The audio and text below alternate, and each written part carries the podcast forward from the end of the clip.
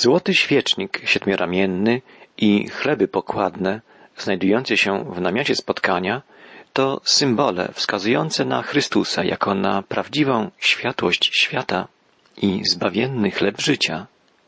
Takim spostrzeżeniem zakończyliśmy nasze ostatnie spotkanie po rozważeniu treści pierwszej części 24 rozdziału Księgi Kapłańskiej, czyli trzeciej Księgi Mojżeszowej. W drugiej części 24 rozdziału tej księgi zamieszczony jest opis dramatycznego wydarzenia, które zakończyło się wymierzeniem łamiącemu prawo Boże człowiekowi kary śmierci. Podobnie jak było to w przypadku dwóch synów Aarona, Nadaba i Abichu. Od dziesiątego wiersza 24 rozdziału Księgi Kapłańskiej czytamy Między Izraelitami znajdował się syn pewnej Izraelitki i Egipcjanina. Syn Izraelitki pokłócił się z pewnym Izraelitą w obozie. Syn Izraelitki zbluźnił przeciwko imieniu Bożemu i przeklął je. Przyprowadzono go do Mojżesza. Matka jego nazywała się Szelomit, córka Dibriego z pokolenia Dana. Umieszczono go pod strażą, dopóki sprawa nie będzie rozstrzygnięta przez usta Pana.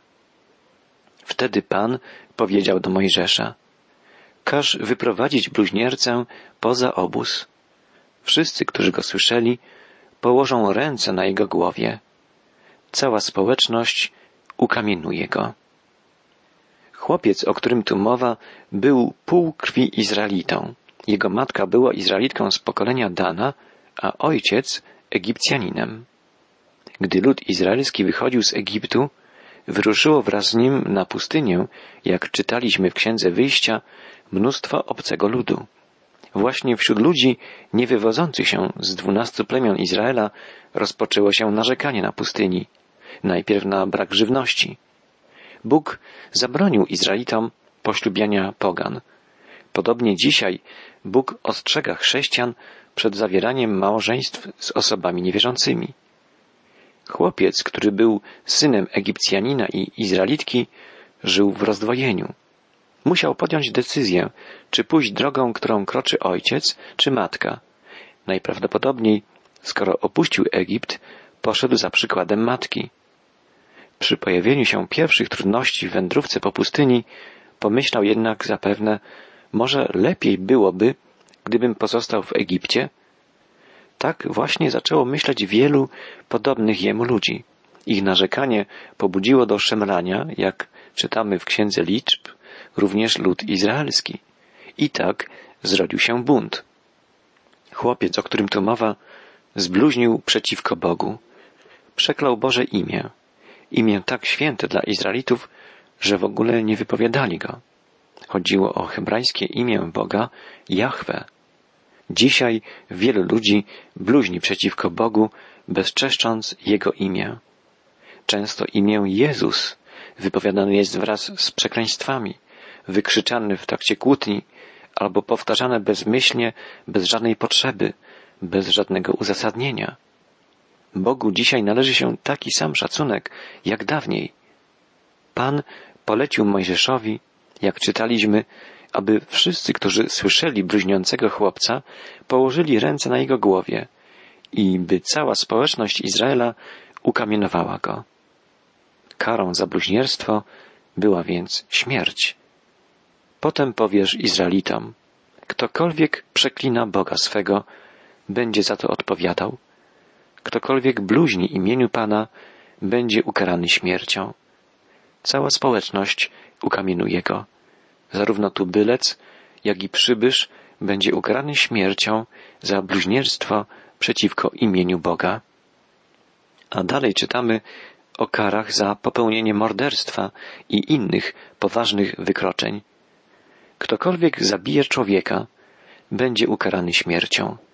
Ktokolwiek zabije zwierzę, będzie obowiązany do zwrotu, zwierzę za zwierzę. Ktokolwiek skaleczy bliźniego, będzie ukarany w taki sposób, w jaki zawinił. Złamanie za złamanie, oko za oko, ząb za ząb. W jaki sposób ktoś okaleczył bliźniego, w taki sposób będzie okaleczony. Kto zabije zwierzę, będzie obowiązany do zwrotu. Kto zabije człowieka, będzie ukarany śmiercią. Jednakowo będziecie sądzić i przybyszów, i tubylców, bo ja jestem Pan, Bóg wasz. Przedstawiciele ruchów pokojowych, protestując przeciwko wojnie, często na transparentach umieszczają słowa nie zabijaj. Może ich protest byłby skuteczniejszy, gdyby ich transparenty wyeksponowały napis Ktokolwiek zabije człowieka, powinien ponieść śmierć. Wielu zbrodniarzy wojennych pozostaje na wolności. Ci, którzy wczoraj mordowali setki, tysiące ludzi, są dzisiaj często bezkarni. Ci, którzy dzisiaj winni są śmierci tysięcy ludzkich istnień, liczą na to, że unikną kary jutro. Izraelici wiedzieli, że za popełnienie morderstwa czeka ich kara śmierci. W trudnych warunkach pustynnych surowe prawo pozwalało na utrzymanie w dyscyplinie ponad milionowej społeczności, złożonej nie tylko z Żydów, ale i z wielu obcych. Dzisiaj w wielu krajach trwają dyskusje nad możliwością stosowania kary śmierci. Widzimy, że Bóg polecił wykonać najwyższą karę w przypadkach takich jak opisany tutaj. Mojżesz kazał Izraelitom wyprowadzić bluźniercę poza obóz i ukamienować. Synowie Izraela uczynili to, to co Pan rozkazał Mojżeszowi. To są końcowe słowa 24 rozdziału Księgi Kapłańskiej. Znajdujemy tutaj wielką lekcję sprawiedliwości. Imię Boga jest święte, musi być szanowane. Bluźnierstwo jest wykroczeniem o najwyższym stopniu zuchwałości i szkodliwości. Również życie ludzkie jest święte i musi być chronione. Bóg jest sprawiedliwy we wszystkich swoich dziełach. Jesteśmy jako grzesznicy winni przed Bogiem. Zapłatą za grzech jest śmierć, czytamy w Biblii. Ale Chrystus wziął na siebie wyrok śmierci, który ciąży na nas. Czytamy w proroctwach Izajasza, On zraniony jest za występki nasze, starty za winy nasze. Ukarany został dla naszego zbawienia, a Jego ranami jesteśmy uleczeni. Wszyscy jak owce zbłądziliśmy.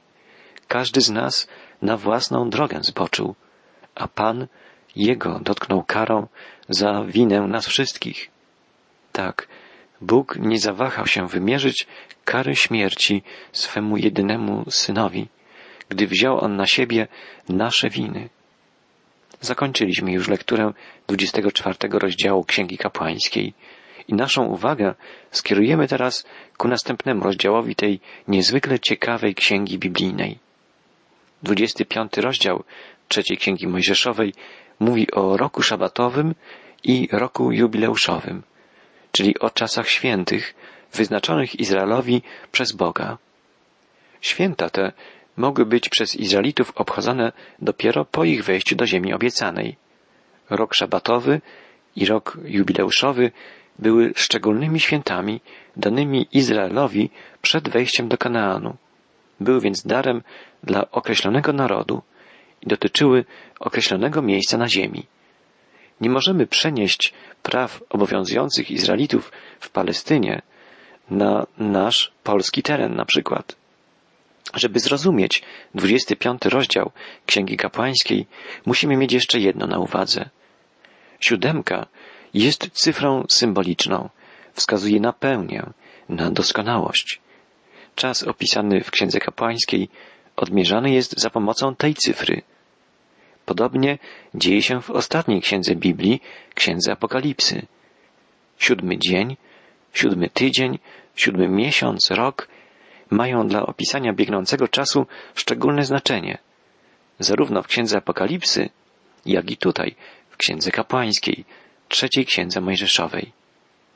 Przeczytajmy pierwsze dwa wiersze 25 rozdziału Księgi Kapłańskiej. Potem Pan powiedział do Mojżesza na górze Synaj. Mów do Izraelitów i powiedz im. Kiedy wejdziecie do ziemi, którą daję wam, wtedy ziemia będzie także obchodzić szabat dla Pana. Zwróćmy najpierw uwagę na fakt, że Pan przemawia do Mojżesza znowu na górze Synaj. Dotąd w całej księdze kapłańskiej czytaliśmy, że Bóg przebywał w okresie wędrówki Izraela przez pustynię pośród ludu i że przemawiał do Mojżesza z namiotu spotkania. Jednak to, co Bóg pragnie teraz objawić Mojżeszowi, dotyczy przyszłości, okresu czasu, który rozpocznie się po wejściu Izraelitów do Kanaanu. Bóg mówi, że kiedy lud izraelski wejdzie do ziemi obiecanej, ziemia ta będzie także obchodzić szabat. Czyż nie jest to zdumiewające? Człowiek obchodzić będzie szabat co siedem dni, a ziemia co siedem lat.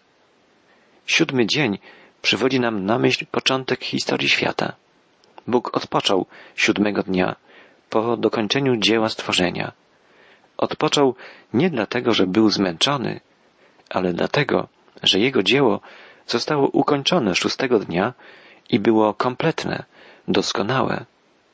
Słowo szabat oznacza odpoczynek i w najgłębszym, ostatecznym sensie mówi o odpocznieniu w wierze, wierze w zbawienie, w nowe stworzenie dokonane przez Chrystusa. Oczywiste jest, według stanu dzisiejszej wiedzy agrarnej, że pozostawienie ziemi odłogiem co siedem lat było bardzo korzystne dla jej uprawiania. Było też korzystne dla ludzi pracujących na roli. Mogli oni w ciągu roku szabatowego odpocząć albo wykonać zajęcia, na które nie mieli czasu w ciągu sześciu lat intensywnej pracy na roli. Izraelici nie przestrzegali jednak lat szabatowych. To spowodowało między innymi, że Bóg wydał ich w niewolę babilońską. Czytamy o tym w drugiej księdze kronik, w 36 rozdziale. Świątynia Boża została spalona, mury Jerozolimy zburzone, wszystkie drogocenne przedmioty wywieziono do Babilonu, gdzie wzięto też do niewoli Izraelitów pozostałych przy życiu. Tak wypełniło się słowo Pana, wypowiedziane przez usta Jeremiasza. Czytamy w Księdze Kronik. Tej treści przez cały czas spustoszenia, dopóki kraj nie odpłaci swoich szabatów, będzie odpoczywał, aby dopełnić siedemdziesiąt lat. Izraelici przez 490 lat nie przestrzegali świętowania roku szabatowego. Bóg wydał ich więc w ręce Babilończyków na 70 lat. Tyle, ile lat szabatowych powinna odpoczywać w ciągu 490 lat ziemia. Zdumiewające. Czytamy w 25 rozdziale Księgi Kapłańskiej. Sześć lat będziesz obsiewał swoje pole. Sześć lat będziesz obcinał swoją winnicę i będziesz zbierał jej plony. Ale w siódmym roku będzie uroczysty szabat dla ziemi, szabat dla Pana. Nie będziesz wtedy obsiewał pola, ani obcinał winnicy. To polecenie Boga jest jasne i w oczywisty sposób zobowiązuje Izraelitów do uprawiania ziemi przez sześć lat i do przerwania prac na jeden rok. Szabat dla Pana. To samo dotyczyło winnic. Współcześnie w wielu rejonach naszego globu doprowadzono do wyjałowienia ziemi, do zrujnowania gospodarki rolnej przez eksploatowanie ziemi nieprzerwanie, rok po roku, przez długi okres czasu. Przestrzeganie roku szabatowego byłoby korzystne dla gospodarki rolnej prowadzonej przez Izraelitów, ponieważ nie przestrzegali tej zasady podanej im przez Boga. On usunął ich z Kanaanu na siedemdziesiąt lat i dał odpocząć w tym okresie ziemi, chroniąc ją przed wyniszczeniem. Dalej czytamy w 25 rozdziale Księgi Kapłańskiej od wiersza piątego. Nie będziesz żoł tego, co samo wyrośnie na polu, ani nie będziesz zbierał winogron nieobciętych. To będzie rok szabatowy dla ziemi. Szabat ziemi będzie służył wam za pokarm. Tobie, słudze Twemu, służącej Twej, najemnikowi Twemu i osiadłemu u Ciebie, tym, którzy mieszkają u Ciebie, cały jego plon będzie służyć za pokarm, także Twojemu bydłu i zwierzętom, które są w Twoim kraju. Tu dowiadujemy się, jak były zaspokajane potrzeby bytowe Izraelitów podczas roku szabatowego. Ziemia Kanaanu była tak wydajna, że nie było potrzeby uprawiania jej co roku. W Dolinie Eufratu, w czasach Abrahama, nie było w ogóle potrzeby uprawiania ziemi. Zboża wyrastały z ziaren zasianych samoistnie. Ziemia Kanaanu rodziła tak obficie, że zaspokajała potrzeby jej właścicieli, ich służby, obcych, zamieszkających tam wspólnie z Izraelitami. Nawet bydło mogło żywić się samo, bez żadnych szczególnych zabiegów hodowlanych. Bóg troszczył się o wszystkich, o ludzi i zwierzęta, o Izraelitów i obcych, o bogatych i biednych. Wszystkim zapewniał dostatni byt w ciągu roku szabatowego. Wszyscy mieli pod dostatkiem jedzenia. Jakkolwiek nie wolno było nikomu zbierać plonów w celach handlowych. Widzimy po raz kolejny, jak Bóg troszczy się o ubogich. Nie dopuszcza do zagarnięcia wszystkich plonów ziemi przez bogaczy. Bóg okazuje tu swoją troskę zarówno o ziemię, jak i o ubogich. Uczy Izraelitów głębokiej prawdy, że czas, w którym człowiek z powodu swego upadku musi w pocie czoła wydobywać owoce ziemi, kiedyś przeminie, że ziemia będzie rodzić obficie, będzie zaspokajać potrzeby wszystkich ludzi. Dzisiaj wielką troską napawa nas eksplozja demograficzna. Obawiamy się o to, czy Ziemia będzie w stanie rodzić taką ilość plonów, by zaspokoić głód miliardów ludzi. Gdy przekleństwo spoczywające na niej zostanie przez Boga usunięte, Ziemia da plon, jakiego nigdy dotąd nie widzieliśmy, od momentu upadku człowieka w grzech. Bóg jest tym, który zaspokaja potrzeby człowieka. On jest stwórcą i właścicielem ziemi. Dalej czytamy w 25 rozdziale Księgi Kapłańskiej o roku jubileuszowym. Wiersz ósmy. Policz sobie siedem lat szabatowych, to jest siedem razy po siedem lat, tak że czas siedmiu lat szabatowych będzie obejmował czterdzieści dziewięć lat. Widzimy tu pomnażanie cyfry siedem w odmierzaniu dłuższego okresu czasu. Rok szabatowy przypadał co siedem lat, tak więc siedem lat szabatowych odmierzało okres czterdziestu dziewięciu lat. Następny, pięćdziesiąty rok był rokiem jubileuszowym. Rok jubileuszu, przypadający raz na pięćdziesiąt lat, jest największą jednostką czasu kalendarza żydowskiego. My mierzymy czas historyczny stuleciami. Na jeden wiek przypadają dwa pięćdziesięciolecia, czyli dwa lata jubileuszowe. Czytamy dalej. Dziesiątego dnia, siódmego miesiąca, zatrąbisz wróg. W dniu przebłagania zatrąbicie wróg w całej waszej ziemi. W roku jubileuszowym, w dniu przebłagania, trąbiono wróg w całym Izraelu. Był to kulminacyjny moment w kalendarzu żydowskim, zbudowanym na siedmiokrotnych okresach czasu. Był to dzień uroczysty, dzień radosny, mimo że przypadał na dziesiąty dzień siódmego miesiąca, a więc na wielki dzień przebłagania. Działo się tak jednak raz na pięćdziesiąt lat.